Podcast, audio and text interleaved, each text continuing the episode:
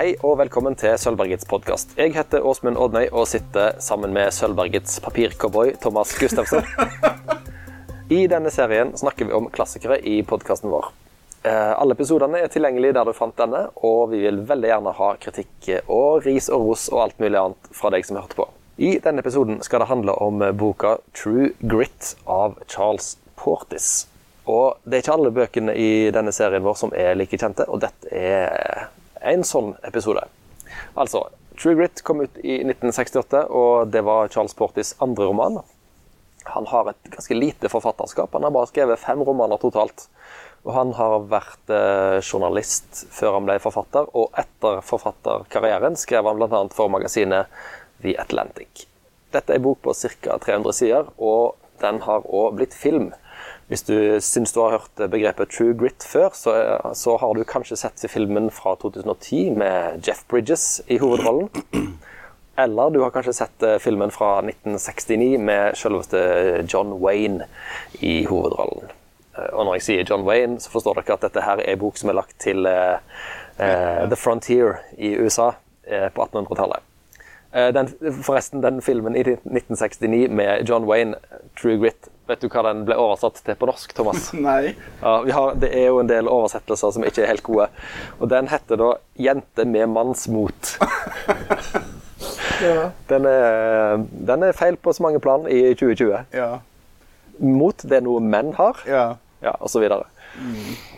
Men OK. Charles Portis, true grit. Grit, vi kan jo si det. Hva, hva er det gode norske eller svenske ordet for det? Ballar. Ja, sant? Det er det. Det er litt sånn, eh, Ja. det litt sånn som det finske sisu. Ja.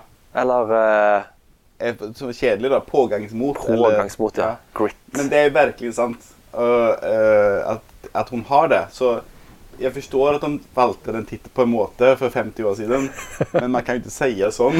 Kunne heller vært uh, Jente med mot hadde vel funket. Jenter med mot hadde funket bra. Ja. Trenger ikke ha noen menn inn i det For det er vanskelig å oversette true grit, på en måte. Og det er fortfarande ikke Jeg, jeg visste ikke hva det betydde når jeg leste boken. Nei, Hvis jeg leser sånne referater fra tenniskamper som jeg ser på TV, så, så står det ofte i, uh, i kampreferatene 'He showed grit and determination' Ja. på slutten av kampen. Det er liksom sånn, Da går du inn og bare Det er det Sisu gjør. Det der kjempeglød, liksom. Eller noe sånt. Mm. Det, hun har det, da. Hun, hun, det, altså, boken er Det er eh, en jente som heter Matty.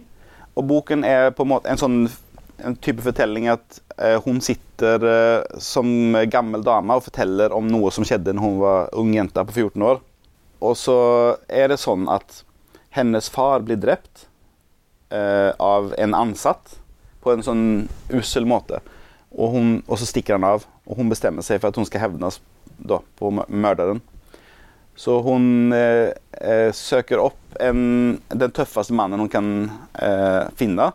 Eh, så hun mener at, at eh, han har true grit. Da. Han, han, det, det er han som har mest grit. Men det viser egentlig så er det jo hun.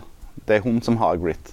Hvor er vi henne i tid og sted? Det, blir det sagt eh, spesifikt? Nei, det er westerntiden, liksom. Ja. Vilde vesten. Så ehm, en, eh, Og det vil jeg bare si at eh, når jeg leste boken, så så jeg for meg eh, en mann. Denne mannen hun får hjelp av, da. Og han ser eksakt ut som Jeff Bridges gjør i den filmen. Og jeg har ikke sett filmen, men jeg har sett coveret på filmen, og det er eksakt sånn man tenker at han, at han ser ut. Eh, så hun, hun finner en middelaldrende enøyd sheriff som drikker for mye. Eh, litt, eh, litt sånn klisjé, men dette er jo 50 år gammelt, så det var kanskje ikke så klisjé på den tiden.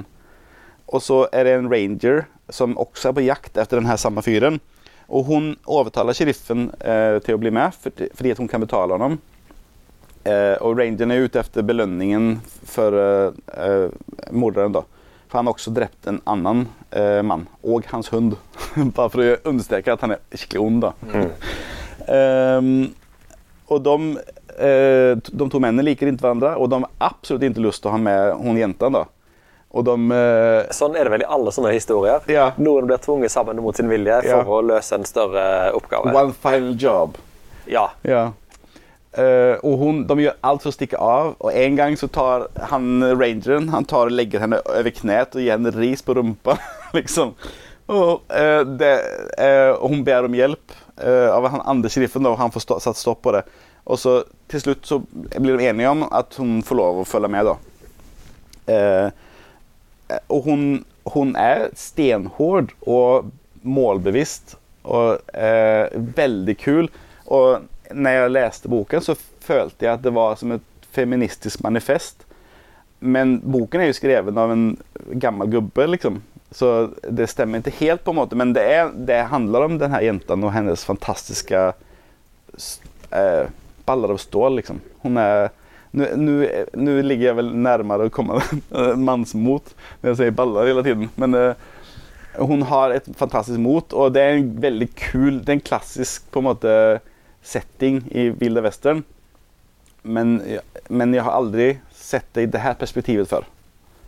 Så det syns jeg er veldig kult. Og det er en enkel måte å lese en klassiker på. Når du har lest denne, så er det som du har lest en klassiker.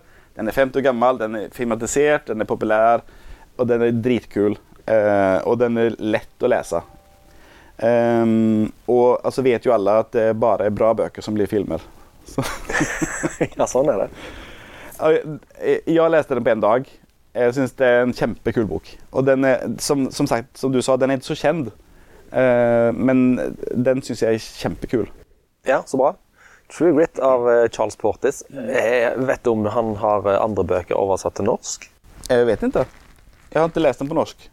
Nei, du har lest den på engelsk, selvfølgelig. Ja. Ja. Men den fins på norsk? Ja, den finnes på norsk.